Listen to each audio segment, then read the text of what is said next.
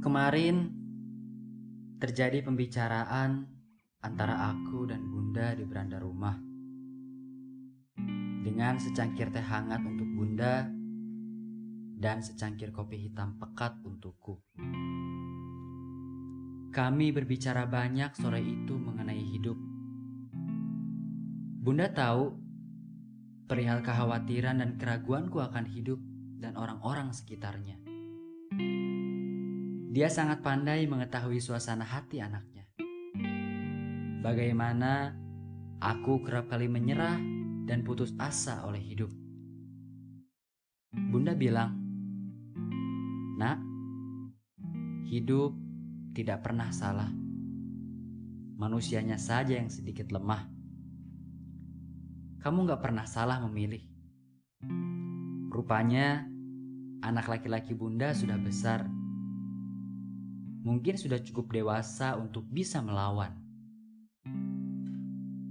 Terkadang manusia selalu mengalah pada pikirannya sendiri, pada apa yang menjadi keraguan dan kekhawatiran yang sedang dihadapi.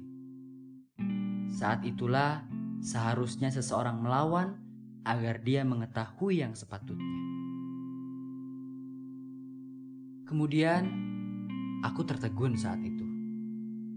Bunda benar kita kerap kali takut pada kekhawatiran, putus asa pada keraguan, dan menyerah pada umpatan.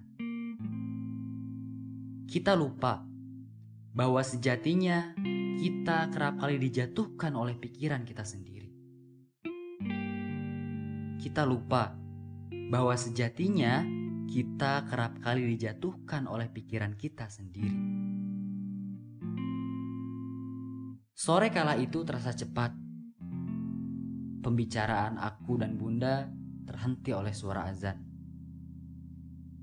Nak, musuh terbesarmu adalah dirimu sendiri. Nak, musuh terbesarmu adalah dirimu sendiri. Belajarlah melawan. Jika tidak bisa, mintalah karena kita masih punya Tuhan.